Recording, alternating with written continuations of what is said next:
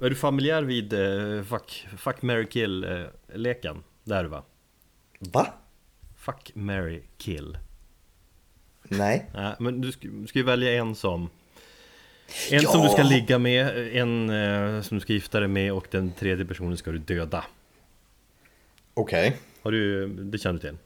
Ja, jo, Knappt. det gör jag. Eh, jag hamnade på något forum Där de körde det spelet, eh, eller vad man säger, med diverse band Mhm. Så det var lite lustigt Men för att strypa ner det på antalet alternativ så kör vi förstås Metallica eh, Så låt höra nu Fuck, marry, kill på Metallicas medlemmar Och då har du ju då har du också möjligheten att Välja bort en medlem helt och hållet För de är ju fyra medlemmar Mm. eh, Så fundera på det så öppnar jag en öl här då Så någon som jag skulle vilja ligga med i Metallica?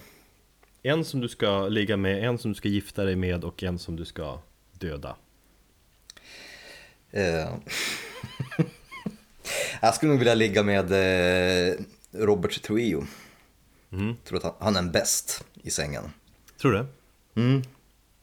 Varför Skulle gifta det? mig med Kirk Hammett för jag tror att han är väldigt eh, ömsint och, och en bra eh, relationssnubbe. Mm. Ja, vem skulle jag döda? Ja, men Cliff Burton, för han är ju redan död. Nej, han... Det, han får man inte ta Nej. Ja, men då är det ju James Hetfield eller... eh, Får jag ta Newstead? Nej, han är inte medlem i Metallica Ja, ja, men då återstår ju bara Lars Ulrik. Och jävligt otippat Döda dansken alltså Själv då? eh, Ja, fan ja, men jag, jag, men jag väljer bort Rob då Eftersom ja, men Han är ju mest anonym bandet och ny Fast han varit med i fan, är det 15 år Det blir ju svårare med de tre kvarstående medlemmarna Mm. Mer kämpigt för mig Men okej, för bandets skull eh, Då skulle jag ta död på Kirk Eh, Nu kör jag i fel ordning här kanske men Nej men det är större chans att bandet skulle fortsätta utan Kirk Hammett Än, än om Ja. man skulle ta död på Lars eller James eh, Annars tror jag Fast om Kirk du dödar eh, Lars så får du ju en bättre trum, trummis. Nej men det, bandet funkar inte utan Lars Ulrik Nej. Så är det. Men jag tror säkert att Kirk är mest soft att hänga med och sådär. Men för fram, bandets framtid tar jag död på. Kirk Gifta sig med James tänker folk då, då men nej. Jag vet inte, han verkar ju vara rätt svår snubbe ändå. Alltså jag älskar honom, men han är ju på senare år, jag vet inte, han har sagt hur jobbigt det är med kändisskapet och han har flyttat från San Francisco upp till bergen i Colorado och sådär och Han vill vara i fred och kommit ut meet and greet längre och så vidare. Han är känslig, så jag, jag, jag ligger väl med James en gång Gifter jag mig med Lars Ja, men speciellt med en annan mustasch så kan jag förstå att du går igång på. Du blev lite kåt där. Ja Men han inte, James har inte haft det sedan 2003 eh, Så det Det gillar jag, det gillar jag med dig faktiskt. Du, du vet liksom när han senast hade mustasch. Det är sån jävla nörderi på, på, på, på så ofantlig, löjlig nivå. Mm. Det är fint. Ja, men det är sånt man har koll på Lars Ulrik och jag ska gifta oss i alla fall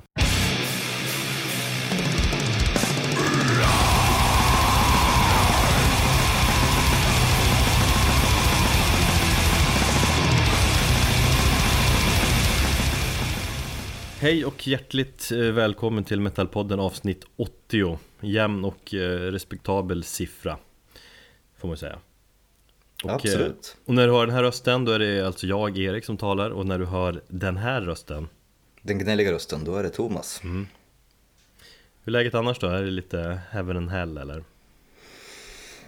Det har varit mer heaven än hell de senaste dagarna, men i övrigt så är det ju hell. Men just nu så kan jag pusta ut lite grann.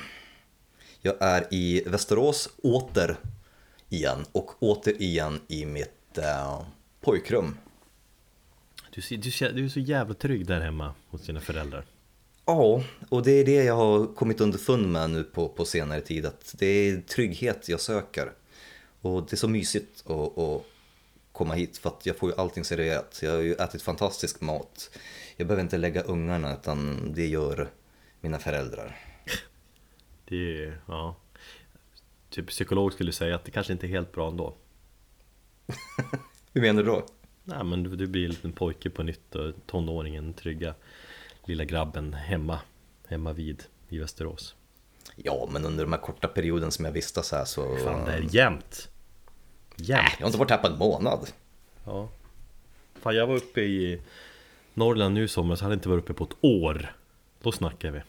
Men hur är läget med dig då? Ja, men det är inskolning och kamp med barn och sådär. Det är som ingen vill höra på. Men eh, annars är det ganska bra nu ändå. Nu känner jag ändå att humöret är på topp. Fan, det är nästan höjdpunkten på veckan det här ändå. Varannan vecka.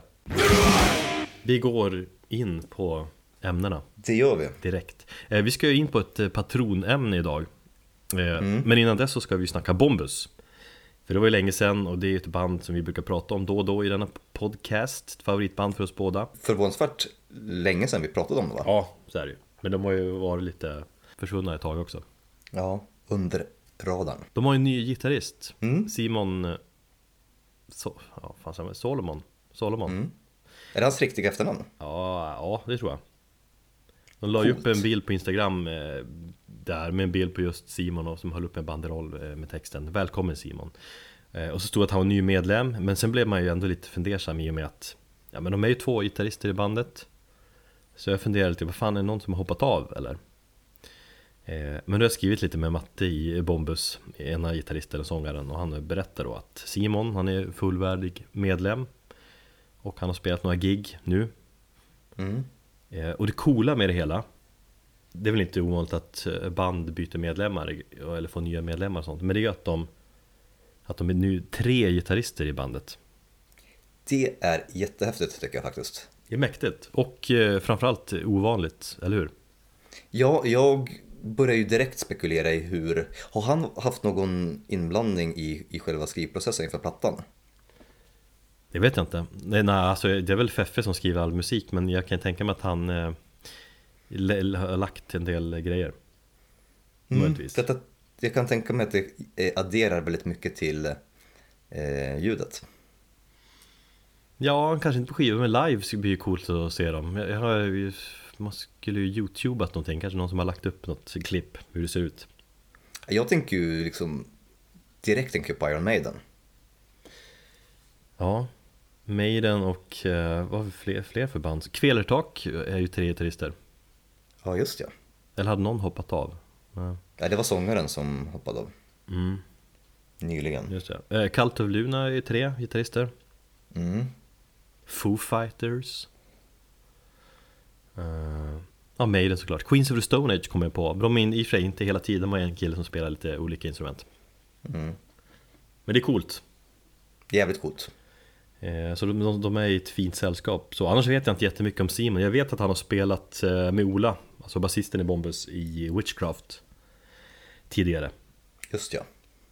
eh, Och jag träffade han faktiskt den här Simon förra sommaren när jag träffade Ola På Herbie James Där En sen Mm. natt. Och då fick jag reda på att han har bland annat lagt sologitarr på Bloodbath-plattan Nightmares Made Flesh Åh fan. Som ju är en av de bästa dödsplattor som har eh, släppts Ja, vänta tills du får höra den igen.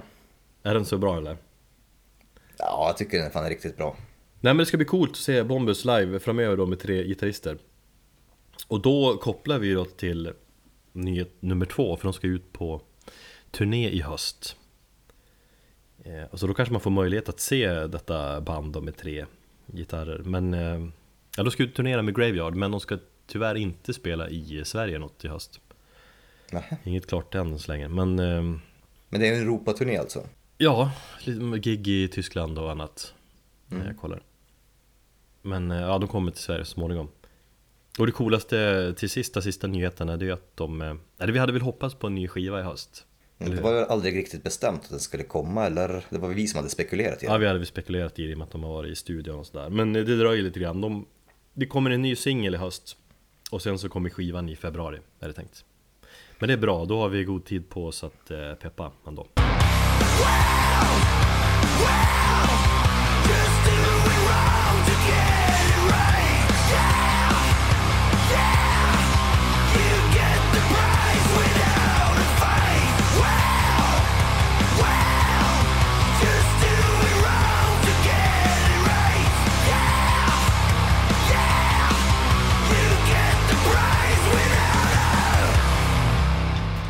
Nu, damer och herrar, blir det ett eh, så kallat, eh, så kallat patronämne.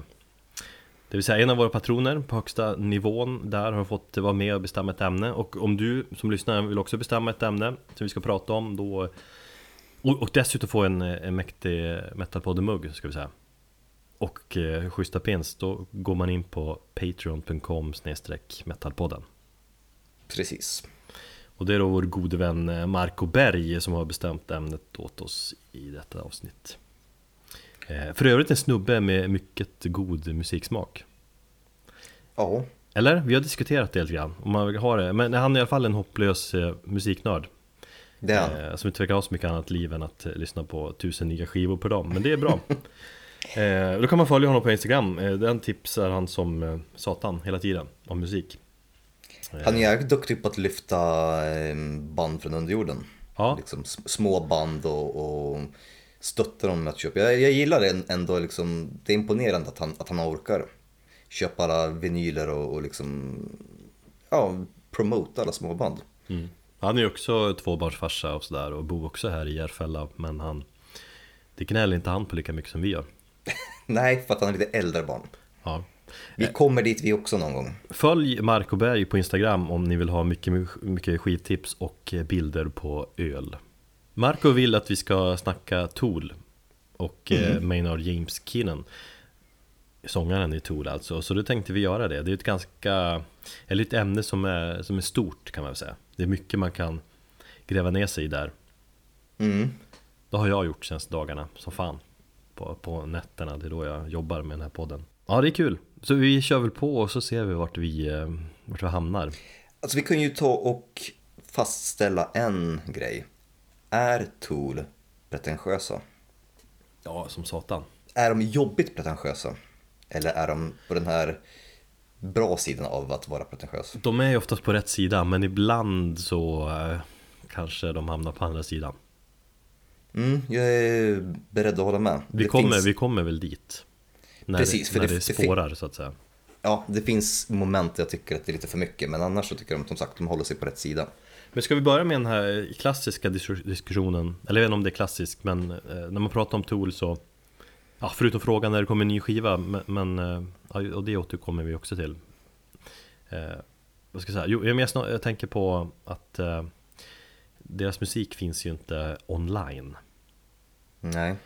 Eh, Dels finns Tools musik inte på streamingtjänster och det är, det är ovanligt men eh, ja, det, är, det är inte någonting jätteunikt. Vi har ju till exempel uppmärksammat att eh, Dope Throne inte finns på, på Spotify heller.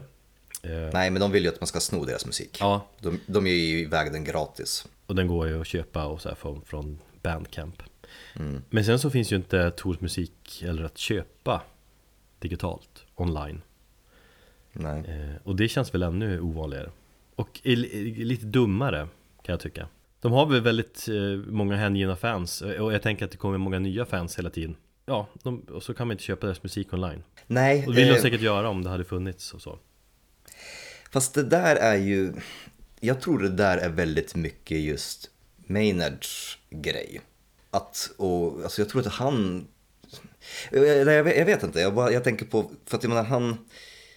Eh, han har ju Perfect Circle och sina andra projekt, de finns ju för sig online och på olika streamingserver, men inte just Tool.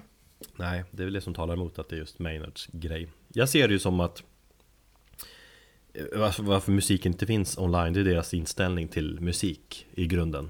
Alltså De vet de där banden som på allvar menar att varje, varje aspekt av deras musik som ska att man ska lägga tid på allt, det ska upplevas, de vill att man ska konsumera hela musikprodukten, vi har ju varit inne på det här tidigare. Mm. det där, det där förstår inte majoriteten av just den här generationen som bara konsumerar musik digitalt eh, ett- det är ju liksom Det är inte bara ljudet som kommer ur, ur högtalarna som är musiken, det är som, det är en del av det hela Men även menar, albumet Ja, det, är en upp, det ska vara en upplevelse. Hela paketeringen med skivomslaget, texterna i konvolutet, eh, själva Själva fysiska skivan, deras musikvideor, deras liveshower, inte, hela paketet liksom. Mystiken tänker jag är stor del av det hela också Och sen så är det ju som så att bandet eh, bestämde ju liksom, när de bestämde att de skulle heta Tool, att eh, det skulle vara ett verktyg som lyssnaren skulle få använda precis som de själva ville. För sina egna ändamål. mm. Så använd oss för att ja, göra vad du vill i ditt liv, liksom. tolka oss hur du vill. Ja. Vi är ett verktyg för dig. Men alltså, jag tänker på att, och det kanske vi kommer in lite, lite senare när vi, när vi ska prata om just Maynard som person, men han har ju en väldigt stor aversion mot teknik. Har du tänkt på det? Nej. Så tolkar jag i alla fall när jag läser många av hans texter, både i Tool och på typ senaste A Perfect Circle-plattan. Ja. Du behöver inte ens läsa mellan raderna utan det är ganska tydligt. Så det är därför jag trodde att det var lite mer kanske att... För att allting i bandet kretsar ju kring honom. Eh, Jag menar, musiken vad jag förstått har ju varit färdiginspelad hur länge som helst. Sen har ju bandet väntat på att han ska spela in eh, sången. Ja, det beror på vem man lyssnar på och så. Ja, jo, i och för sig. Men, men det verkar ju som att han är liksom kungen som alla liksom får förhålla sig till. Utan det är han som håller i tyglarna. Jag kan ju ha fel. Jag tror att du har lite fel. Jag tänker Okej. att du har lite fel där. Men jag tänker också att de kommer ifrån att de de vill att musik ska tala, de är uppväxt med band som Pink Floyd, det tycker jag är jätteuppenbart, och liksom King, King Crimson och Där är det musiken som gäller i första hand. Och allt som allt så sägs ju, det är liksom hela det här som vi pratade om, att det är anledningen till att de inte finns på streamingtjänster eller det går inte att köpa musiken online, för Tool är så jävla old school och liksom Don't give a fuck mentalitet. Mm. Men sen snackas det också om att mycket har att göra med de, de avtal de har som omöjliggör då liksom att de kan lägga upp musiken online. De har ju haft mycket strul med, med rättigheter hit och dit. Så Jo, kanske precis. blir det annorlunda när ny musik släpps i framtiden. Vi får väl se, men då har jag läst en intervju att det är därför också. Men, Men vad skulle det vara för rättigheter då? Som de hindrar har, dem? Nej men de har just, ja, Jag har inte så bra koll på deras, eh, som sagt, struligheter där men eh, Gammalt kontrakt som har skrivits och sådär Okej. Som inte tillåter dem att ja, lägga upp det Alltså anledningen till att den här nu nya skivan har dröjt så pass länge är ju dels på grund av en rättstvist. För jag menar, den här plattan som nu ska komma var ju egentligen först tänkt att släppas 2014. mm. Eh, och de har ju haft de senaste tio åren vad jag förstått någon form av, om inte ens, om till och med längre, eh, haft någon form av eh, rättslig tvist som de till slut lyckades vinna. Det har de ju haft tidigare också, alltså innan Lateralis-plattan så var det ju också någon, alltså när Perfect Circle startades väl i samband med att Tool nästan, eller många tror att bandet skulle splittras på grund av en rättstvist och så. Att de ledsnade Ja, att de precis har all, alldeles för mycket eh, kraft och energi från kreativiteten. mm. Å andra sidan så verkar ju inte bandmedlemmarna vara speciellt dumma. Så har de, vadå, var de naiva under 90-talet och skrev på ett jättedumt kontrakt? De känns inte som sådana människor som skulle skriva på ett sånt dumt kontrakt där de ger, i- ger iväg alla sina rättigheter. Eller? Nej, alltså det känns dumt att spekulera hela de här grejerna men det är, det är, Det är lite, kul att spekulera. Ja, men jag är lite nyfiken på om man ska spekulera vidare Det är ju liksom hur mycket det påverkar bandet av att inte finnas online Alltså det, det är ju det är omöjligt att veta förstås Men det, det lär ju tappa Tror jag, tusentals nya potentiella fans på grund av att de inte finns på, på Spotify till exempel Tänk dig själv att de Senaste skivan släpptes 2006 Mm. det är fan en evighet sedan inom musikindustrin Det är liksom långt innan Spotify fanns Eller när kom Spotify? 2008 kanske? 2009? Mm, 2009 va? Ja, så två, tre år innan dess Alltså nu tycker jag ju det har gått så pass långt så nu har det nästan blivit som en grej. Ja Men det är ett Och- band som riskerar att glömmas bort lite grann också Nej, absolut inte. Inte med det du precis har sagt att de har, alltså om de lägger så mycket krut på alltså förpackningen, sina framförandet och hela allting grejen och, och liksom att det ska vara musik och en upplevelse så lockar de ju även till sig en, alltså en viss typ av människor som de kan dela det här med. För att jag tror också att det är ett band som kan hata sina fans lite grann. Jag tror inte de vill ha vilka fans som helst. Nej, de har ju, de har ju skrivit låtar om att de tycker de har jobbiga fans och sådär Ja, och Men samtidigt Det är- de ju sjukt populärt, men de har ju sålt miljontals skivor, de har vunnit grammisar Så att det finns ju liksom ett kommersiellt tänk där bakom ändå Eller Fast då, nej, jag tror inte det finns ett kommersiellt tänk. För att det här, att de har vunnit, eh, de har vunnit två grammisar, jag tror inte det är någonting som har eftersträvat. Det är någonting som har kommit liksom i, i kölvattnet av deras succé. Det jag gillar med Tool är att de har den här integriteten som ibland tycker jag kanske går till överdrift. Men Ja, nej men det, det älskar man ju Men jag tänker att det finns ju management där, bakom som Jag menar, vad fan kunna, bara, bara, kunna köpa musiken online måste ju ge mycket cash liksom Eller så är det som så att de inte räknar med att tjäna så mycket pengar. Men fan, Maynard har ju sitt 75 andra band och sen så har han sitt liksom, vingård. mm. Han verkar vara mer intresserad egentligen av, av, av viner och jag tror att han tjänar pengar där så att musiken är någonting annat. Ja, kanske Och här Vi får se, laget tror min, jag- min gissning är i alla fall att eh, med nya skivan som kommer 2045 Då Då kommer musiken även online eller på streamingtjänster Jag är inte lika övertygad. Nej, jag baserar det på ingenting men eh, vi får se Time to put the silicone obsession down. Take a look around. Find a way in the silence. Lie to hide away with your back to the ground. And reconnect to the resonance now. You were never an island. Unique voice among the many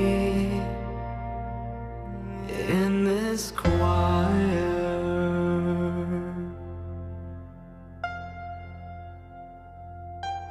Tuning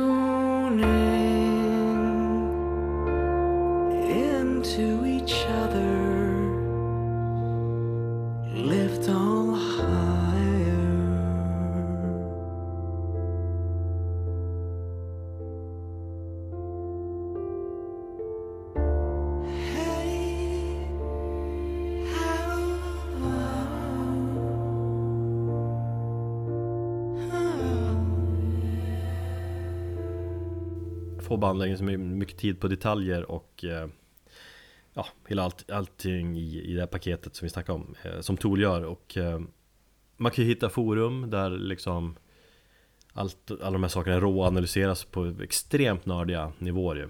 Mm. Jag är ju inte riktigt där. Jag gillar att gå in på de här forum och läsa Och fascineras. Jag gillar bandet mycket men jag är inte nere på På det djupet Om man säger så. Men In, är du, Nej, eller hur, hur stort Tool-fan skulle du säga att du är på skala 1 till 10? ja, jag skulle väl kanske säga att jag är en sexa i så fall. Jag är inget superfan av den. Jag tycker Lateralus är en helt jävla fantastisk platta. Eh, lyssnade väldigt mycket på 10,000 Days när den kom. Och det är väl egentligen de plattorna som jag lyssnar, ja, Undertow ibland också. Men om jag lyssnar på Tool så är det oftast Lateralus. Men som sagt, jag har inte heller dykt ner i, i, på djupet med, med, med Tool på det sättet. Nej. Och jag kan tycka ibland de är lite kanske överdrivet pretentiösa. Och sen så att de har väldigt speciella fans som också, och så jag tänkte när du är inne på det här forumet så lär du ha märkt liksom att ett Tool-fan, man skämtar ju om att Tool-fan är väldigt speciella. Ja det, det, ja, det märker man verkligen Jag eh, såg du vet den här reaction-videon med de här två, eh, de här två svarta killarna som kör så hårdrocksvideos. Nej, det har jag inte sett Men du vet vilka killar jag Ja, menar? jo, absolut De har ju gjort två stycken reaction-videos på Tool, The Pot och på Lateralus. Ja, Och just under Lateralus, om du, om du går in på YouTube och kollar, och så kollar du på i kommentatorsfältet. Så kommer du märka exakt vad jag menar, hur jävla dryga Tool-fans kan vara. Eh, men ja, åter- för att återgå till frågan om, om, om de som band. Så ja, jag tycker de är stundtals genialiska, ja, men ibland också överdrivet pretentiösa. ja jag kan väl hålla med Men jag, jag kanske rankar mig själv som en, en sjua då Ska Mm. säga Sjua, åtta Fan, det är svårt Jag har ju blivit lite mer fan nu också kän, känns det som När jag snöat in på deras musik de senaste dagarna här igen Maynard som person då? Om vi ska ta och spekulera grann hur, hur han är. Han verkar ju vara en väldigt privat person. Väldigt privat och minst sagt eh, säga, allsidig snubbe Han är ju lite såhär eh, Ja men lite Bruce Dickinson på det sättet Att han gör väldigt mycket Han är ju rockstjärna, han är Han är skådis, han är makare, säger man va? Mm. Han är en, En jävla, konnässör av vinare skulle jag säga. en posör. Konnässör. Ja. Han är ju såhär kampsportsnubbe jujutsu som är hans grej, eller vad är det? Just ja! Han och, och Stefan Löfven Nej men han, är, ja, men han har ju något gym typ Det finns ju något klipp man kan se hur han håller på att brottas och så Mm, jo, jag har sett det. Före detta militär Han joinade ju militären för att få, få pengar så han skulle komma in på konstskolan om jag har förstått det rätt Ja, det var ganska smart. För annars blev jag väldigt förvånad. över att Han verkade vara en snubbe som skulle direkt eh, jobba för sitt land, om vi säger så. Ja Har du druckit hans vin förresten? Han är ju, han är ju vin döpt efter sin eh, mor Judith Ju, Judith Är det inte väldigt dyra vinare? Jag vet inte, det är du som är vinkillen av oss Jag dricker bara bärs Det är min sambo som är eh, vin, eller som är sommelieren. Eh, nej, men jag vet inte ens om det går att få tag på här i Sverige. Kanske som, som beställningsvara. Men nej, jag har inte druckit och jag tror att det är ganska mycket pengar. Som man får lägga ut på en flaska i så fall. Ska vi gå samman och dricka? Så kan du Då lägga ut en är- händelse på Instagram när du smakar den ur ett jättestort uh, vinglas Då är jag hellre sugen på att dricka sattyrsvin. Men det har man gjort Har du det?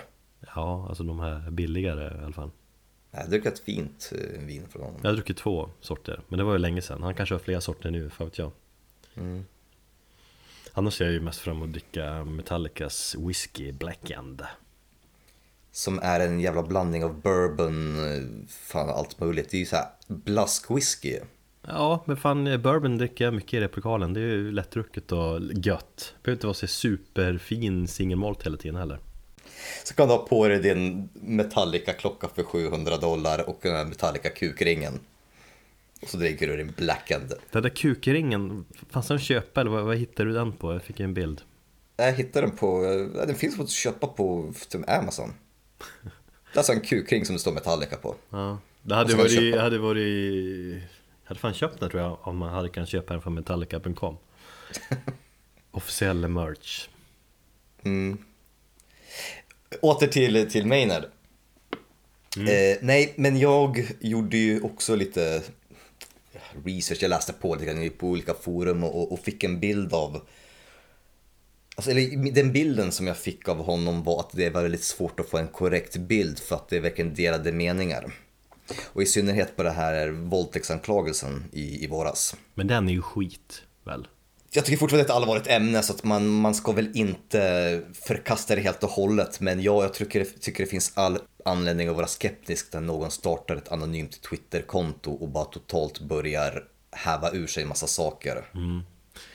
Nej visst, man ska ju inte döma så, men det har ju inte kommit något mer snack om det heller Så att eh, jag, jag, känns, jag tar det som fake Ja, jag tror också lite grann det. Ehm, Efter att ha läst på lite grann sådär så, så verkar det som att... Därför jag bara tänkte på att under sent 90-tal och när bandet var ja, som störst kanske så vad jag förstått då så, så var det väldigt vanligt bland många band, och speciellt för Tool, att, de, att han delade ut eh, eh, biljetter under spelningen till folk som stod, eller till tjejer som stod längst fram i, i, i eh, publikhavet. Som var form av backstage-biljetter och en form av passerkort för att få knulla med honom. Inte Eh. ovanligt alls på något sätt Nej, nej, det, det är ju inte. Eh, Metallica förmodligen- kört den st- storyn på Black Album-turnén också att de De delar ut till de snyggaste brudarna där så efter spelning så sprang de till eh, duscharna så att de skulle få de snyggaste brudarna för då var de redan där i nakna duschen liksom. Nej men då var och det var ju, om den här våld- våldtäktsanklagelsen, då var det ju just den här eh, historien om att det var under 99 eller någonting att en kvinna fick en biljett tilldelat till publikhavet. Hon trodde hon skulle gå dit och ja, få en autograf och en bild med honom. Medan hennes pojkvän stod och väntade utanför. Eh, och då menade folk på att hela den historien om att de delade ut biljetter och sånt, den stämmer. Men att det fanns kvinnor som tog honom i försvar och sagt att han har alltid betett sig gentlemannamässigt när de har eh, legat med honom och varit backstage. Att han oftast brukade, när de kom in i hans loge eller i hans trailer så brukade han sitta och titta på någon film, typ han kollade på så här roliga komedier eller någonting. Så frågade han snällt liksom, vill du, vill du ligga? Vill du... Ja, och sa, sa de nej, då respekterade han det liksom. och sa att men det var väldigt tydligt att vill, att, att vill du ligga med honom så har du en möjlighet med att han aldrig någonsin tog sig friheten att bara slänga sig på någon. Och det är det här under det här forumet jag har läst liksom. Och det är som sagt folk på nätet, man vet aldrig vad som är sanning och vad som inte. Och så finns det men, folk som menar att åh, jag var också den personen som, jag har också blivit eh, våldtagen av honom och han gjorde, ja, massa sexuella anspelningar och antastade mig och sånt. Han menade ju själv då på internet eller på, eh, på Twitter att det här var ju en fabricerad händelse. Ja, och det kan man ju bara spekulera om. Men jag tycker det är dumt att liksom göra det överhuvudtaget. Men att det där också är någonting som ligger bakom mannen för det, nu har de ju fruar och familjer och hela, hela kittet liksom. Jag tror säkert han och de andra medlemmarna har betett sig svinigt så här, men det tror jag också de flesta banden på den nivån har gjort. Speciellt där liksom på 90-talet och så. Mm, jo visst är det så. Nej men i övrigt som person så, så, så läser man och sådär och folk som har träffat honom, de har fått väl lite olika bilder. Må, många menar på att han har varit väldigt otrevlig och snassar, snassar av fans. Vissa menar att han är jätteprofessionell och varit supertrevlig. Mm.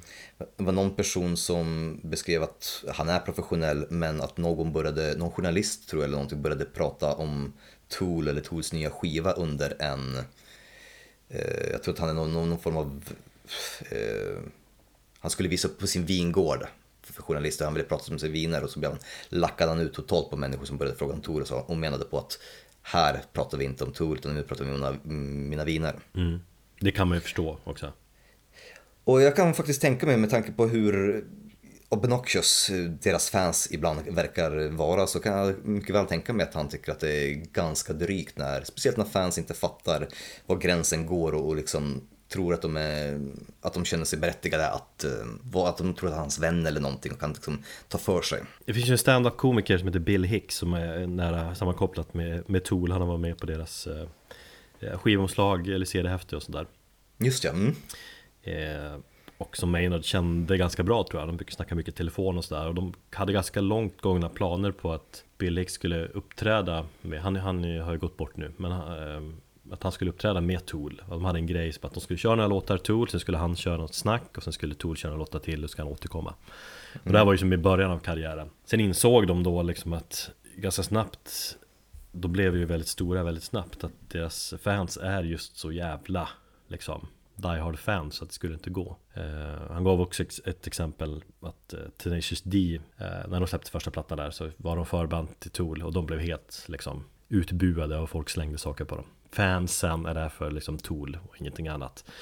Så menar in, insåg att det här det skulle inte gå för att vi är så jävla eh, crazy fans. Men alltså att ha Tenacious D som är själva antitesen ja, till vet, Tools filosof, hela musikaliska filosofi och de sjunger om att göra kuk-pushups. Ja, fast fan Tool är ju där på ett sätt också. Det är mycket humor i Tool, de driver ju gärna med fans och sådär. Jo, och de har ju ganska mycket sexuella anspelningar i sina låtar. Absolut. Men förlåt, alltså Tenacious D, det känns som att det är liksom det är ju mus det är musik för förskolebarn. Han sa ett annat förband också i början av karriären som folk kastade saker på. Eh, men jo, nej, jag kan väl hålla med. Eh, fast som sagt, jag tycker ändå att det finns lite likheter på, på så här eh, humornivå mellan banden. Mm. Har du sett Tool live? Nej. Jag tänker berätta en pinsam historia. Året var 2001 och de spelar på Hultsfred. Eh, så vi och grabbgänget från Övik var där och ganska packare. Vi såg Godsmack istället för Tool. Herre jävlar alltså! Ja. Det är ju nästan oförlåtligt. Nej, jag vet. Jag tänkte på nu också. Men jag, jag vet inte, vi var ju inne på den. Vi gillade första skivan där, första Godsmack-plattan. Och de skulle spela på Teaterladan och vi fulla så vi bara...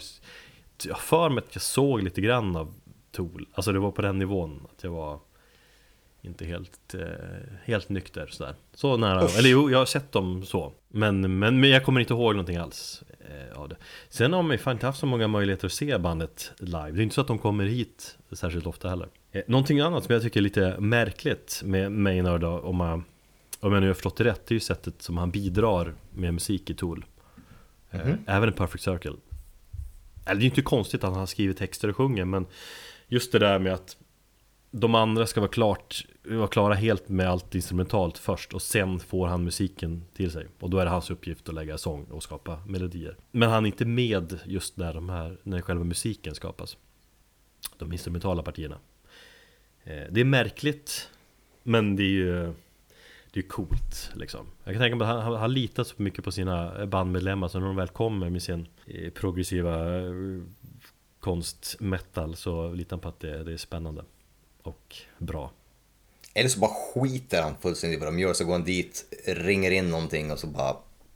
I'm gonna phone this in och så åker han hem.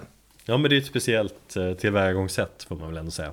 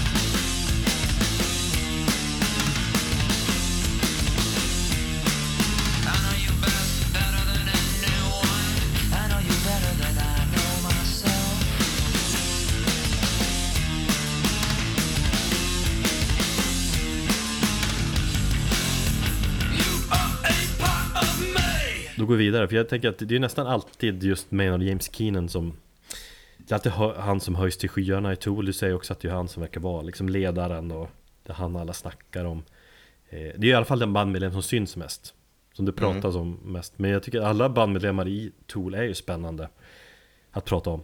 Eh, Så för att balansera upp detta Maynard-snack så Vill jag prata lite om, om gitarristen Adam Jones. Eh, Just för att hylla snubben och för hans episka riff och eh, musikvideor. Eh, Och för att han på många sätt är liksom hjärnan bakom musiken. Och det är han, Adam Jones och Maynard som, som bildade Tool en gång i tiden. Och sen plockar han in de, in de andra medlemmarna. Eh, Det är ganska intressant att läsa om hur han skriver musik. Jag har läst lite intervjuer med, med Adam Jones här. Han börjar ofta med ett riff i vanlig klassisk liksom fyra fjärdedels takt. Ett, eh, Som han menar normalt riff liksom Eh, som han utgår ifrån. Och sen tar han det vidare och eh, Gör det mer flippat och förvränger det liksom. Så det blir skevt och, och coolt. Sen snackar han ofta om hur han eh, tänker musik som en film.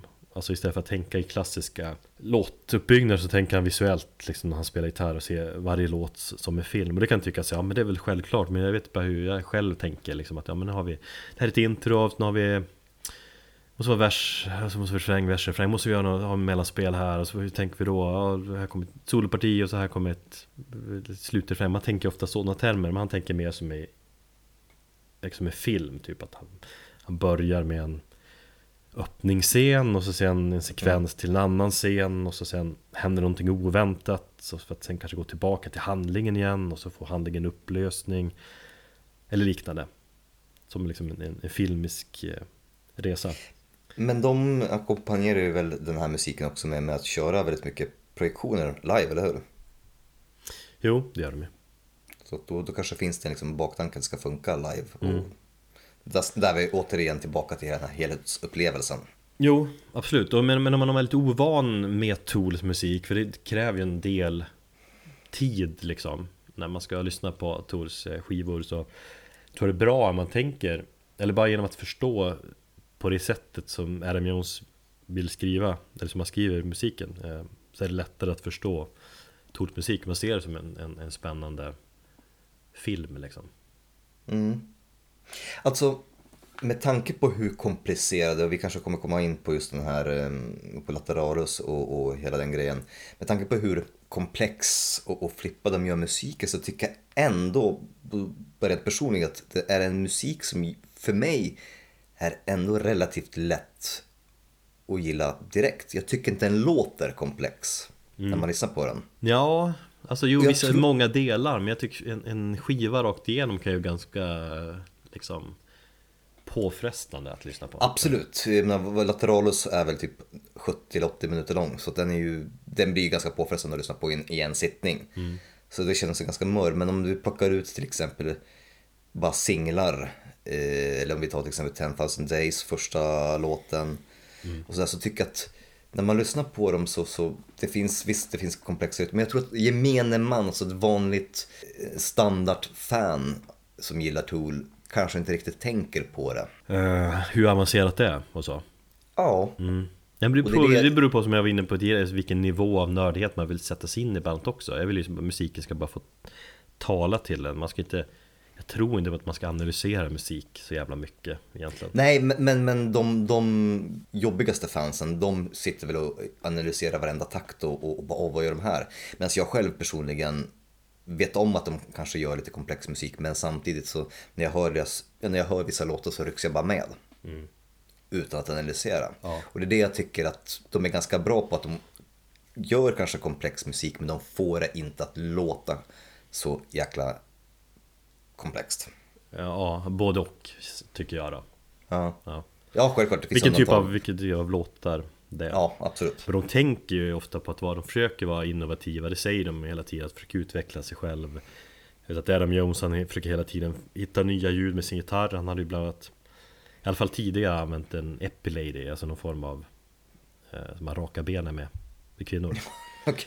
På gitarren Jag vet inte hur, om man håller den nära micken ska fångas upp eller man kör den mot strängarna eller någonting Men det är ju lite innovativt tänk, eller? Ja, absolut. Ja, det är men- ungefär, ungefär lika innovativt som att spela black metal på eh, ja, ren kranium. Mm. Sen har han ju en intressant bakgrund och också Adam Jones eh, han, eller när bandet startade så jobbade han ju i Hollywood På ganska hög nivå med, med specialeffekter i filmer Han har jobbat med animeringar och makeup och, och eh, setdesigner Vad fan är korrekt översättning? Set designer blir det på svenska också. Mm, visst blir det eh, Men han har ju ett rätt grymt CV på IMDB om man kollar in Han har ju ibland jobbat med filmer som Terminator 2 Rovdjuret 2 eh, Jurassic Park med mera Det är rätt coolt, det är ju sjukt bra filmer Åh fan, ja och rovdjuret 2 vette fan. Jo, var den är fan två. bra ändå Ja, det är inte rovdjuret 1.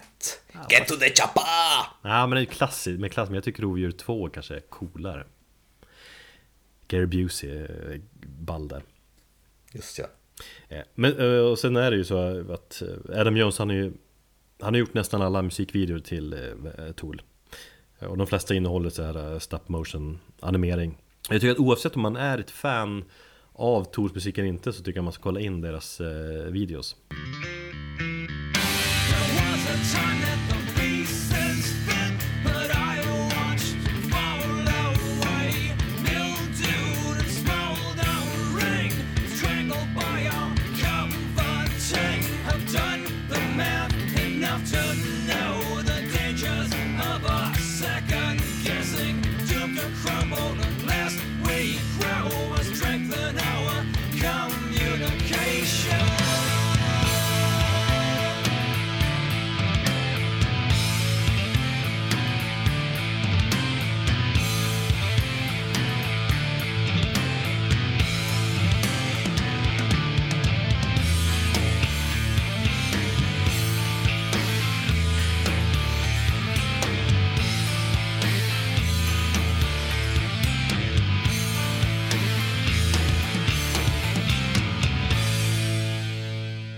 Låt oss lite lätt kanske Mm. Som vi brukar säga Inte snacka så mycket men lite grann Prata om några sidoprojekt som finns där runt eh, bandet Tool Vi har ju varit inne på dem ganska nyligen också. Ja vi kan väl börja med det, med det kändaste och kanske det bästa också Perfect Circle Yes.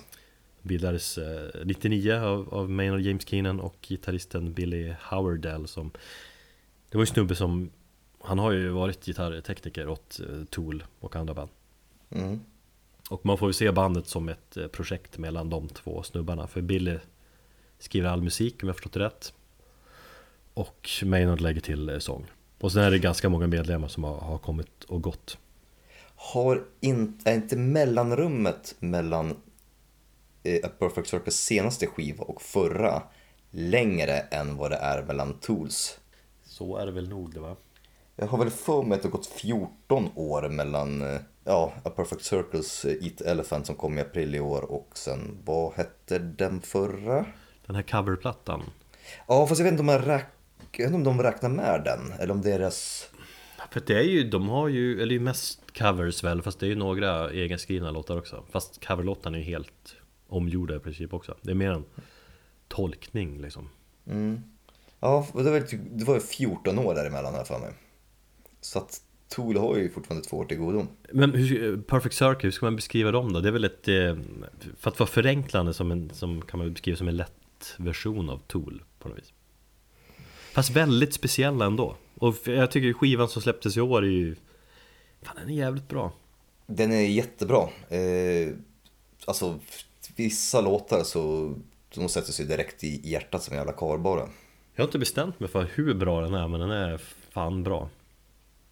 Jag lyssnade på den väldigt mycket eh, i våras och i somras. eh. Men jag bara, nej men alltså, de skulle vara ett lättare tool, jag vet inte. Alltså om vi tar deras för, första plattor. Känns ju mer som att det är emotionell rock. Den här känns ju lite mer alternativ och experimentell. Ja, den är med, exakt, nya skivan är väl mest alternativ. Men det är det jag menar, det är ändå det emotionella biten, det är ju Maynards sång som är väldigt mycket där uppe och, och hörs liksom. Eh, sen har han ju Pussifer eh, Maynard, eh, band som du har bättre koll på än mig. Du snackar ju om dem för... Ja, i vårt sexiga avsnitt. Mm. Bra musik att knulla till. Aha. Ja men vad fan, eh, det är så att om du vill få, få liksom bra synk i dina höftrörelser när du ligger där och, och, och, och, stånkar. Då ska du lyssna på Pussifier och skivan V is for Vagina. Ja. Det, det, det är bra. Nej men eh, Pussifier är ju ett eh, sidoprojekt och en outlet för Maynard då. Det är han, alltså han har ju själv sagt att det, det är en outlet för hans konstiga idéer som inte får plats i alla andra bandet. Och han är ju egentligen ensam, men sen tar han in olika, han har tagit in olika artister i, på de olika skivorna. Så det finns en turnerande konstellation just nu, men den kan bytas och han har alltid haft lite, han har ju, vad jag förstått så har han ju haft Joey Jordison från Slipknot har ju spelat i, i det med honom. Länge sedan man hör någonting av honom. Joey Jordison? Ja, han släppte ju precis bara för någon vecka sedan eller två så släppte han ju sitt nya band som heter Sinsanium tillsammans med Attila Sihar från mm, Mayhem. Just ja, det har man ju läst om. Är det bra eller? Det är skitdåligt tycker jag. Det är lite så halvpubertal, nej det ska jag inte säga, men det är någon form av döds-thrash med, med ganska så här, vad jag tror den heter, Hatred for Mankind eller någonting, så här, någonting med hat mot mänskligheten. Jag tycker det var ganska juvenilt och jag blev ganska besviken på att Attila hade sitt finger med i, i spetsen där. Eh, Nej men han är ju som sagt, de som han har spelat med det har ju varit alltså, folk från Rage Against the Machine. Eh, Brad Wilk bland annat. Eh, De har ju gått på samma skola, alltså Tom Morello och Maynard eh, tror jag alltså, Just det, Så mm. Tool och Rage the Machine känner varandra väldigt bra Han har haft folk från Nine Inch Nails också i bandet. Ja just det, Danny Loner va? Mila Jovovich, skådespelerskan Just ja, från Femte Elementet bland annat. Och eh, alla Resident Evil-filmare. snygg och bra, Ja. cool Eh, så att eh, han verkar ta in lite folk, eh, vad som helst. Och som sagt, det är en, ska vara en ohämmad outlet för alla hans kreativa grejer som inte han får plats i. I de andra respektive bandet. Och jag tycker ju att det funkar. Nu har jag inte så här riktigt koll på, på, på skivorna som kom efter Vis for Vagina. Och släppte ju bland annat Conditions of My Parole 2011 och eh, Money Shot, till och med en tredje platta som jag inte ens visste 2015. Så de har ju tre plattor. Mm eh, Sen har vi ett annat sidoprojekt, eh, som är, eller har en koppling till är Green, Green Yellow säger man. De, eh, Fast de stavar med, med y med prickar, prickar va? Eh, Som i Jelly. ja, fast man uttalar Green Yellow. En, en typ av komedi-rockband som har varit med sjukt länge, bildades redan 81 eh, Kopplingen till Tool är då att Danny Carey, trummisen i, i Tool eh, Han var trummis i Green Yellow, Green Yellow under fem år där i början av 90-talet Det var då de släppte bland annat den här Sierra Killer-skivan med hitten Three Little Pigs Jag har Och på- aldrig hört talas om dem. Nej men den låten har du ju hört Nej. Fan. Eller? Nej, jag tror inte det. Nähä. Och på den låten sjunger ju också Maynard James Keenan Eller det är han som sjunger den här eh, falsettsången där med Not by the hair of my chin chin chin Ja, det, det ringer någon klocka. Jag får, ja, jag får se. Helvete. Om, Ja men den var ju en hit där på 90-talet vi, Den är kung, vi, vi lyssnar på, på den tycker jag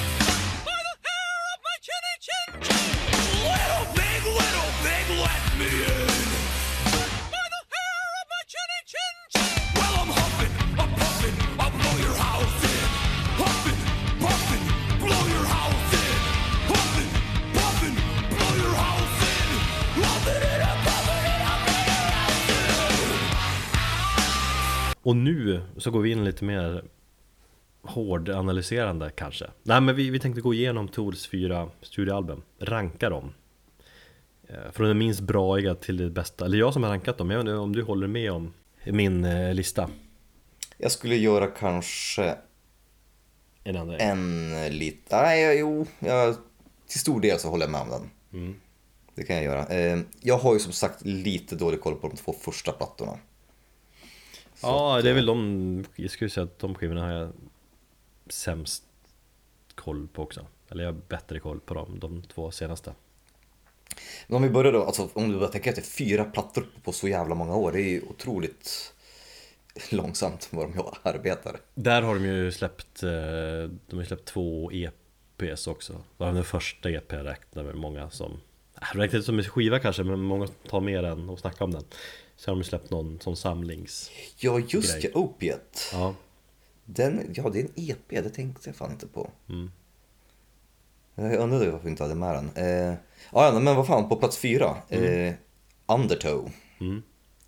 Debutplattan är från 93, skivan som jag har Jag har väl lyssnat minst på den Den plattan som jag kanske gillar minst då också Jag tycker inte Jag tycker inte riktigt de har blommat ut helt där De har inte tagit ut svängarna på samma sätt som, som senare plattor Jag tycker att alla Alla ingredienser, man säger, de finns där men perfektionismen kanske kom senare Mm. eh, Men är en form av metal med, det är mycket känslor Det är mycket Texterna står ut, jag vet, det är om antireligion och sådär Men jag hör framförallt väldigt mycket inspiration av Soundgarden När jag lyssnar på skivan Alltså i riffandet Right. och sådär Mm. eh, Ja, för det var ju mm, under grunge peak där. Kom ju väldigt spännande tid 93 där när grungen kanske pikade Mm. Eller dog av, liksom bokstavligt med, med Kurt Cobain Och liksom innan nu metal hade kommit Fast nu metal kom inte så tidigt. Den kom strax efter det Jag säger, jag säger den precis innan nu metal kom eh, För jag hör också mycket nu metal i den skivan Eller, All right. eller så här pre nu metal Tool är ju ett band som Proto new metal. Ja, så skulle man kunna säga Just deras tidigare material har ju inspirerat väldigt många nu metal band Har ju folk sagt i intervjuer Usch, det lär ju inte Maynard gilla. Nej, men på samma sätt som att man hör att Mike Patton med, med Faith No More och Mr Bungle också eh, är ju sant. inspiration och han vill inte ha så mycket med det att göra heller. Och ja, men allmänt så känns det som att folk inte vill gå, gå med på det. Det är som att jämföra med nu metal är en skam sådär. Men, ja, men det, jag tycker, om man kollar på den de positiva sidorna av nu metal-genren, alltså nyskapande tänket, aggressiviteten sådär Mm finns där och tycker jag finns på tidiga nu metal-plattor också. Det är det som står ut mycket. Finns, alltså, Hiphop-elementet finns ju kanske inte i, i där. Eh, jag tycker att Lowton Sober är bäst från Undertow-plattan. Och videon är jävligt cool och, och kuslig.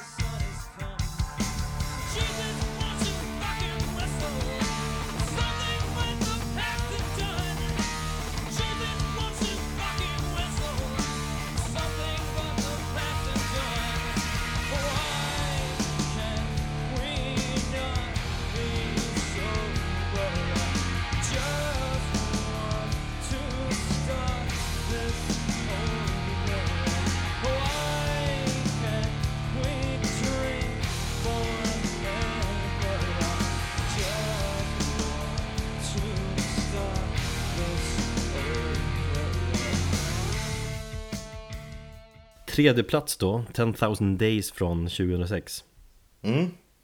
Jag minns ju ändå att jag var Var ändå besviken över den här plattan. Eh, När den kom och jag hade lyssnat in mig på den. Alltså man, hade, man hade jävligt höga förväntningar på den. Lite för höga. Men det var väl ganska generellt att folk blev lite besvikna. Ja, den levde ju kanske inte riktigt Ja exakt, levde inte riktigt upp till den. Då gick det fem år. Ja, Fatta vilka jävla, alltså nu är det liksom 12 år, ja kanske 13. förväntningarna Folk, folk, ja, folk kommer ju vara besvikna. Man skjuter sig själv i foten, nej för fan lägg ner, släpp ingen skiva. Det vore ju det bästa om de bara, nej vi, vi orkar inte. Jag tror att de känner lite så Någonstans Ja, det skulle inte förvåna mig. Ja. Men jag tycker av de här fyra plattorna som Eller deras studioalbum så Som jag har lyssnat nu på, på de här senaste dagarna så är det ändå denna Skiva som jag har Lyssnat på mest. Jag, ty, jag typ återupptäckt den lite grann. Första spåret som sagt Vicarious den är ju fantastiskt bra låt. Det är svinbra den låten. men, men sen är skivan den är ju väldigt lång. Den är också där uppe i rekordet. Det är väl typ max 80 minuter eller 79 78 minuter 57 sekunder och sånt där En skiva kan vara. Eh, Den svävar iväg enormt på slutet. Och det är ganska svårt att hålla upp. Det är väldigt svårt att hålla upp koncentrationen hela skivan igenom det var så jag kände då och det var så jag känner nu också. Men samtidigt är det förbannat skön att lyssna på. Alltså bara, Speciellt nattetid där Skön att sväva iväg med och känna att det här Ja men den har växt lite grann. Och eh, med det har min respekt för Tool ökat ytterligare. Jag känner att jag är mer mottaglig för den här plattan nu.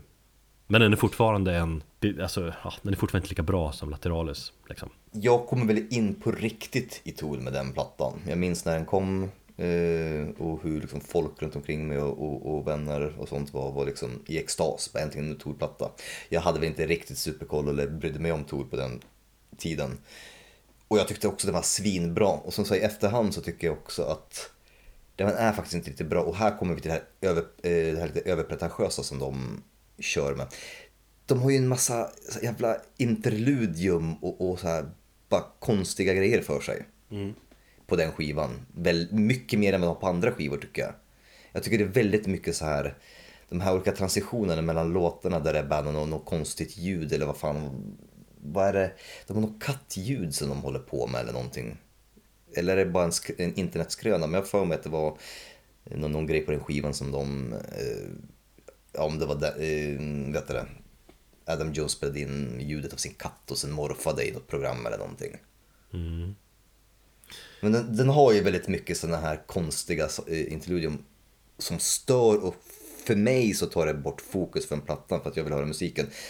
Jag tycker till exempel att ja, Vicarious är svinbra, det är faktiskt en av mina favoritlåtar med Tool. Och jag tycker att den börjar jävligt bra och den avslutas väldigt bra med Right in Two. Ja, Sen däremellan så, så finns det, ja men det är, först, det är första låten, mellanpartiet och slutet och sen däremellan så är det lite flytande. De här utfyllnadsspåren, man säger, jag tycker att de är mer irriterande på andra platsen här, om vi ska vi gå in på den. Mm. Eller vi lyssnar på, fan, vi lyssnar på Vicarious först.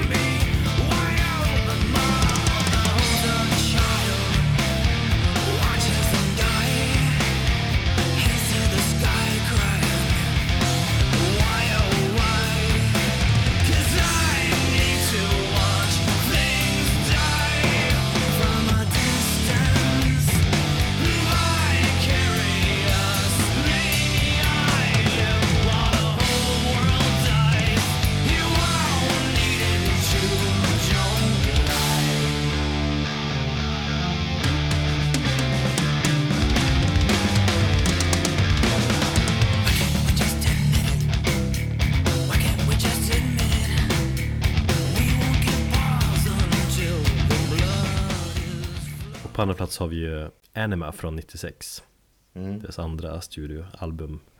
Eh, Här tycker jag att utvecklingen från debuten är så liksom Extremt stor, lite grann som mellan Kill Em All och Ride the Lightning på något sätt. Mm. Här har de blommat ut, jag tycker produktionen är mycket mer klockren, de är mer Eller de här typiska Tool tonerna, eller de, de har hittat rätt. Förbannat bra platta, fascinerande, jag tycker den håller väldigt bra även idag. Jag tycker Undertow, den känns lite så här äh, Föråldrad. Betydligt mer föråldrad än vad, eller vad, än vad Anima gör. Nej men temamässigt är det coolt också, de är inspirerade av den här psykiatrikern Carl Jung, eller Carl Jung, så han är väl schweizare kanske? Österrikare? Tysk var han väl? Tysktalande kanske då? Carl Jung så är vi jag menar det är så- hans eh, psykiatriska begrepp eller vad man säger som introverta och extroverta och så här och så just Anima eller anima tror man säger på svenska Det är kopplat till hans eh, psykologi och ska syfta på De kvinnliga aspekterna så här, i en mans själ. Jag tror anima står för själ Eller något sånt. Det, det är svinmycket man kan snöa in sig på och, och läsa om i alla fall, om man vill. Eller så låter man bara musiken tala och eh, ta en på en resa, som sagt. Någonting jag känner nu när jag lyssnar igenom skivan några gånger. Och sagt, det är de här uh, utfyllnadsspåren som kanske irriterar dig på 10,000 Days Men som irriterar mig på Anime, eller ja, de är lite irriterande. Jag förstår liksom att de sätter känslan och sådär Men de är, de är lite dryga. Ja, Men The Eye från Satan, eller Satan, är, den tycker jag är i och för sig ganska cool. Ja, men det är lite andra grejer. Det är väl tre, fyra stycken sådana spår kanske va? Men sen topparna på skivan tycker jag är skyhöga. Det är väl deras liksom största hits på många sätt. Vi ska väl lyssna på Hooker with a Penis. Just för att det är en bra låttitel och eh, catchy och kunglig text.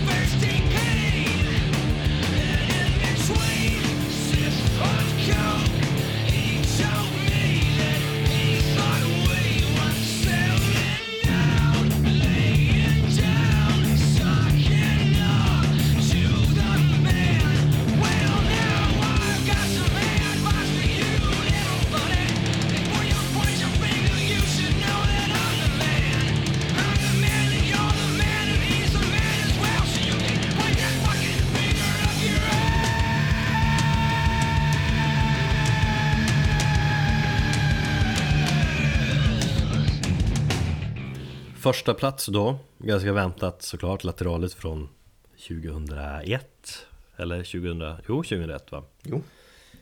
Fantastisk skiva, tycker väl de flesta, tycker du, tycker jag. Det är väl den här skivan som jag verkligen då började älska Tool. Jag minns att jag spelade in första spåret, The Grudge, från P3 Rock. Eh, Så körde jag den på kassett i farsans 740 Om och om igen, jag körde till min eh, dåvarande flickvän ute i Hallebuschen i Övik jag tycker fortfarande att det är en av världens bästa låtar. Men här har ju Tool blommat ut totalt får man säga. Alltså de har ju Mm. tagit sitt Sitt koncept. Alltså, men de, de har ändå tagit det vidare på något sätt. De jämför med, med 90-talet, man hör att det är Tool men de har liksom gått, tagit det till nästa nivå. Jag kan tänka mig också att om de har släppt en liknande skiva. Ska, kan man känna att ja, men fan det här kan vi ju nu. Men de, när de släppte Lateralis så Känner man att fan de fortsätter vara innovativa och sjukt spännande. Ja. Men sen med alla Tool-skivor så kräver ju skivan mycket tid. Det är inget som man bara Definitivt. lyssnar någon, genom en gång och tänker att det här är bra eller dåligt Det behövs ju. Eh, Många genomlyssningar och det är kanske därför som Eller det är väl största anledningen till att jag tycker att Lateralis är bäst För att jag har hört den överlägset eh, flest gånger också. Sen tycker jag sångmässigt tycker jag Maynard har tagit steg tillbaka Alltså inte, inte utvecklingsmässigt men röstmässigt. Det är mera det är inte samma råhet från 90-talet utan det är mer, lite mer skön, sjungande, mer känslosamt, lite mer Lite mer perfect circle om man säger så Sen är ju musiken, alltså den är ju jävligt löjligt komplex ibland Ja, och det är här jag tycker att... Här tycker jag att deras pretentiösa stil ändå är skön. mm. På något sätt. Jag kanske säger emot mig själv men när de gör de här jobbiga mellangrejerna och sådär då tycker jag det blir för mycket. Men sättet som de har tänkt kring just Lateralus och temat som kretsar kring den här skivan tycker jag är jävligt starkt och häftigt. Ja. Jag tänker, när jag lyssnar igenom skivan så här, jag känner det är svårt att inte tänka på vilka liksom, musikaliska genier de är. Man känner bara jävla aliens. Fan vad ni är liksom, vilka genier ni är. Skivomslaget är kung också. Själva CD-häftet som inte har någon, ingen text utan det är bara fan, Det är genomskinligt med, med en människa i, i genomskärning. Och för varje blad så tar man bort liksom beståndsdelar av kroppen. Just det. Eller hur man nu ska beskriva det. Det är coolt. Och hela skivan handlar ju om lateralt tänkande. Mm. Vilket innebär att ja, det är väl någon filosofi som man använder sig kring, ja, jag vet inte i vilken forskning eller överhuvudtaget om det är kanske är här, ett sätt man använder sig vid filosofiska frågor, att försöka vända på någonting och försöka studera en fråga ur en helt annan synvinkel bara för att kanske få ett annat perspektiv. Ja. ja, det är jävligt intressant att läsa om, om lateralt tänkande överhuvudtaget. Eh, men just det där att allt är så uttänkt i deras musik. Det känns som att de tog det lite till nästa nivå i i just titelspåret Lateralus. Eh, Marco, vår patron, han, med, han skrev liksom att vi hade kunnat, eller vi skulle kunna ägna hela Hela avsnittet liksom till att eh, prata just om och, och analysera den låten. Ja, det skulle man faktiskt kunna göra. Men vi försöker köra lite kortare. Ja, vi är ju inte direkt några mattesnillen här, vilket jag har blivit väldigt varse om nu när min sambo håller på att studera matematik. Ehm, För att du har glömt allt.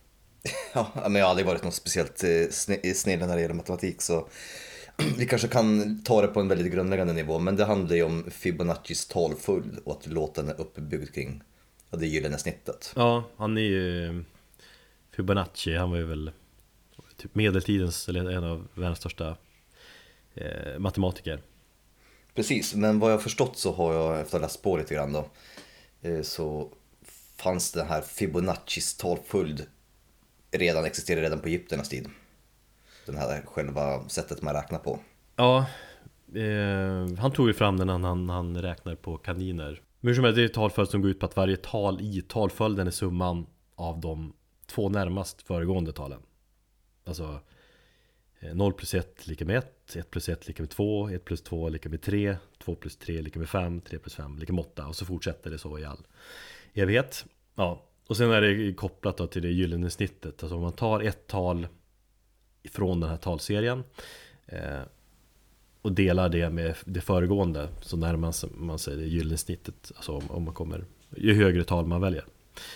Eh, gyllene snittet som är 1,618 någonting. Det värdet brukar man ha som skönhetsideal eller liksom allmän perfektion. Hos en människa eller byggnad eller ute i naturen eller var som helst. Ja, folk menar ju på att det gyllene snittet är någonting som finns överallt. Och att det skulle, gyllene snittet skulle kunna vara någonting som på något sätt ger svaret på, jag vet inte, universum och våra, ja, mänsklighetens största gåta. För det hittas ju i, ja, dels att vet det, väldigt många konstnärer använder sig av det när de målade. Mona Lisa är ju målad med det gyllene snittet i åtanke.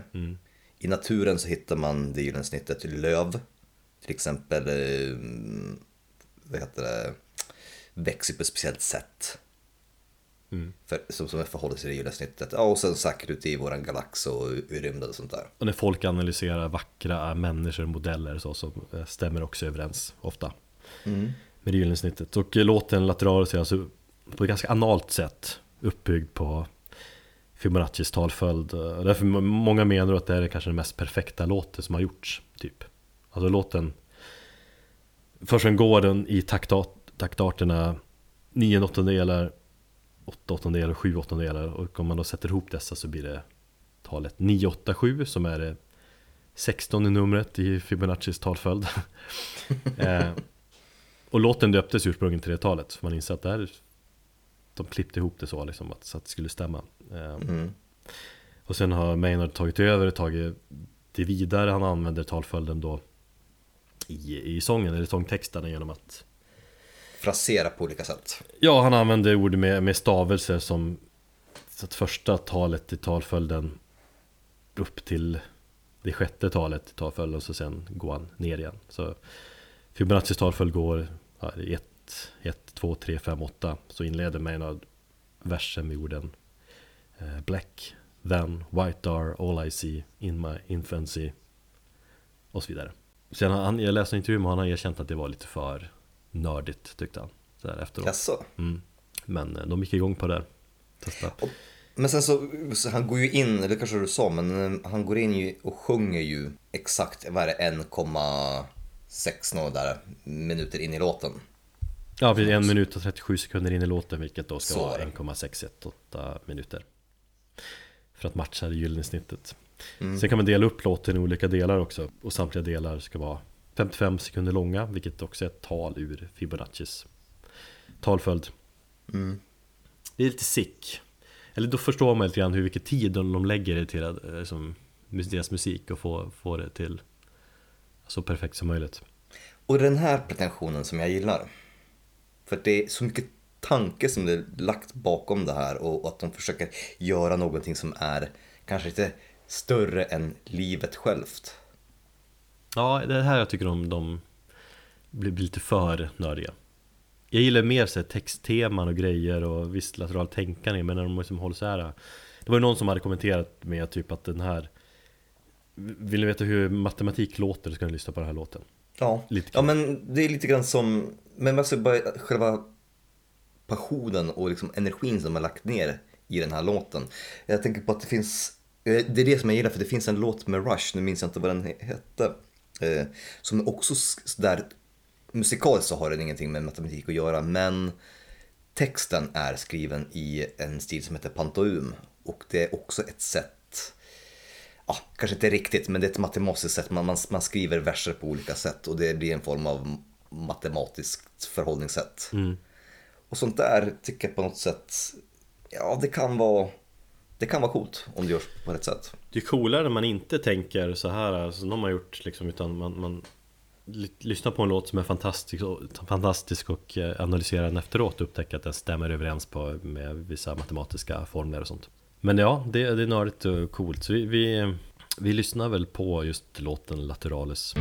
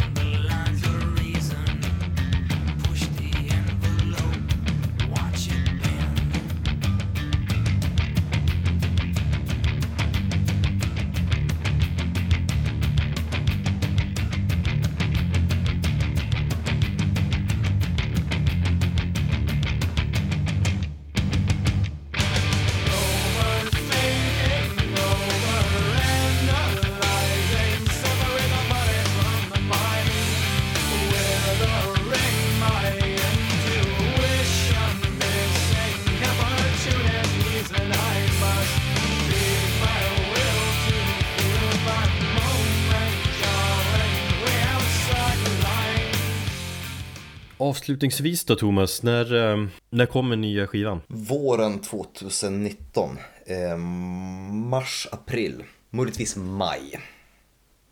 Se andra kvartalet då. Mm.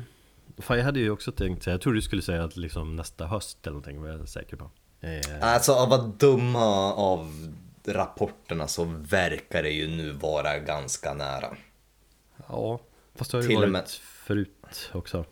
Jo, men nu har de ju till och med... Ja, jo, jo absolut, visst. Men, men, men han har ju till och med erkänt att han har gått in i, i, i studion och lagt sång, sång liksom.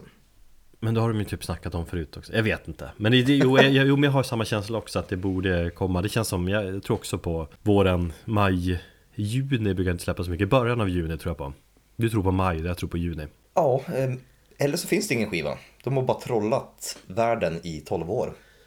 Jag snackade lite med, med Mårten Hagström i Meshuggah om det här. Mm. eh, Jag tänkte, för han känner ju, Meshuggah känner ju Tool eh, snubbarna ganska bra, de har ju turnerat ihop och sådär.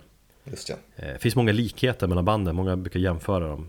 Ja, det är ju ett band som jag skulle kunna tänka mig fungerar på, bra på en turné istället för, ja vad fan heter de nu? Tenacious D. Ja. Absolut Men båda räknas alltså i matte, metal och sånt där brukar man snacka om. När man snackar både med Sugar och Tool Men eh, jag frågar Mårten, vad har du någon koll på när kommer ny Tool-musik tror du då? Vad han sett? Nej jag har fan ingen aning. Eh, Men han och Hake har ju, har ju faktiskt fått höra ny musik. Men det var ju väldigt länge sedan. Ja, han sa att det var tre fyra år sedan. Eh, Jag googlade lite grann på det där, jag tror det var typ två år sedan Men ja, det var ju ett tag sedan ändå. Mm. Och han trodde att de säkert har skrivit nytt För att de är som de är liksom Och skrotat allting. ja. Ja, mycket möjligt. Men sen har just det, Nergal har väl fått höra, var det någon, eller vem, jo Det var väl han som hade fått höra ny musik också, hade fått typ vara i studion När de hade repat typ Ja, men de hade väl någon sån här session där de, där de repade någonting. Och det var bara för något år sedan Ut, eller så ja, utan Maynard. Mm. Mm, jo, och eh, ja, jo, det, minns jag att jag såg att Nergal hade fått hänga där. Så att det, det kom ju både positiva och negativa uppdateringar om man säger så eh, Och då är ju då frågan som alla frågar sig. Kommer den leva upp till sina förväntningar? Alltså all den här långa väntan. Nej, det kommer väl inte. Det är ju liksom, om man ska se det lite så här pessimistiskt så är det ju bara en, liksom Det är bara en, en skiva När det kommer till kritan Men å andra sidan där- ja. Andra sidan tänker jag Tool, de, de har ju alltid Förnyas ju alltid, de tar det ju liksom till nästa nivå Försöker vara innovativa, försöker liksom De vill inte släppa samma Musik igen. Jag läste, eller såg en intervju med har, eh, Lars Ulrik har ju sitt intervjuprogram på Beats One eller någonting Då han intervjuar just Maynard eh, Om just det här med hur, hur, att- hur, man, hur man alltid utvecklas. Mm. Det finns fans som vill att man ska låta som första skivan Men det är omöjligt för att man har så mycket nya livserfarenheter Och man låter först Eller man är ute på turné och då låter man som ett eh, turnerande band Och det är ofrånkomligt att liksom Det blir nytt Om man åldras och han, vad är Maynard nu? Han är ju 50 plus, 54 kanske, 53 Mm. Och att han ska låta som sitt eh, 20-åriga jag Det är liksom en, en omöjlighet Jo. Så att ut, eh, utifrån det perspektivet att de hela tiden utvecklas Så tror jag att det kommer att vara Om man tänker så, man, man ska inte jämföra liksom med Kommer det en ny Lateralis? Utan kommer det en ny Torplatta där de har gått ett steg Ytterligare åt något håll liksom? Som Ja. utmanar en. Då Utifrån det perspektivet så tror jag de Lever upp till, till förväntningarna Å andra sidan så är väl kanske väldigt många fans inte direkt eh, kända för att vara så öppensinniga, speciellt inom metal, utan man kommer ju alltid jämföra med någonting som man gjort tidigare. I det här fallet kanske då Lateralus eller eh, någon annan skiva. Det beror på vilken typ av fan det är, alltså riktiga hardcore Vettiga Tool-fans Ser det kanske inte så De ser Nej. det på en, på en konstant utvecklande resa Men sen är det ju fan 12 år sedan liksom Som sagt. Tänk om den här skivan är så jävla fantastisk så att den skapar fred på jorden. mm. Nej men ta till sådana grejer så kommer det inte Då kommer du bli besviken. Tool har suttit hårda i magen jävligt länge Men nu har fått någon, någon form av Mentalt eh, laxermedel tror jag. Då kommer det lossna och så kommer det komma ut. Och med den liknelsen så tackar vi för oss. Ja, och tack för att ni, ni lyssnar. We love you all som Ossi säger. Och om ni har någonting att säga till oss Kanske att vi missade tusen Tool-grejer Såklart. Eh, ja, men Hör av er då till oss på sociala medier Där vi heter Metalpodden Eller mejla till oss på Metalpodden gmail.com Ha det bra. Ta hand om er.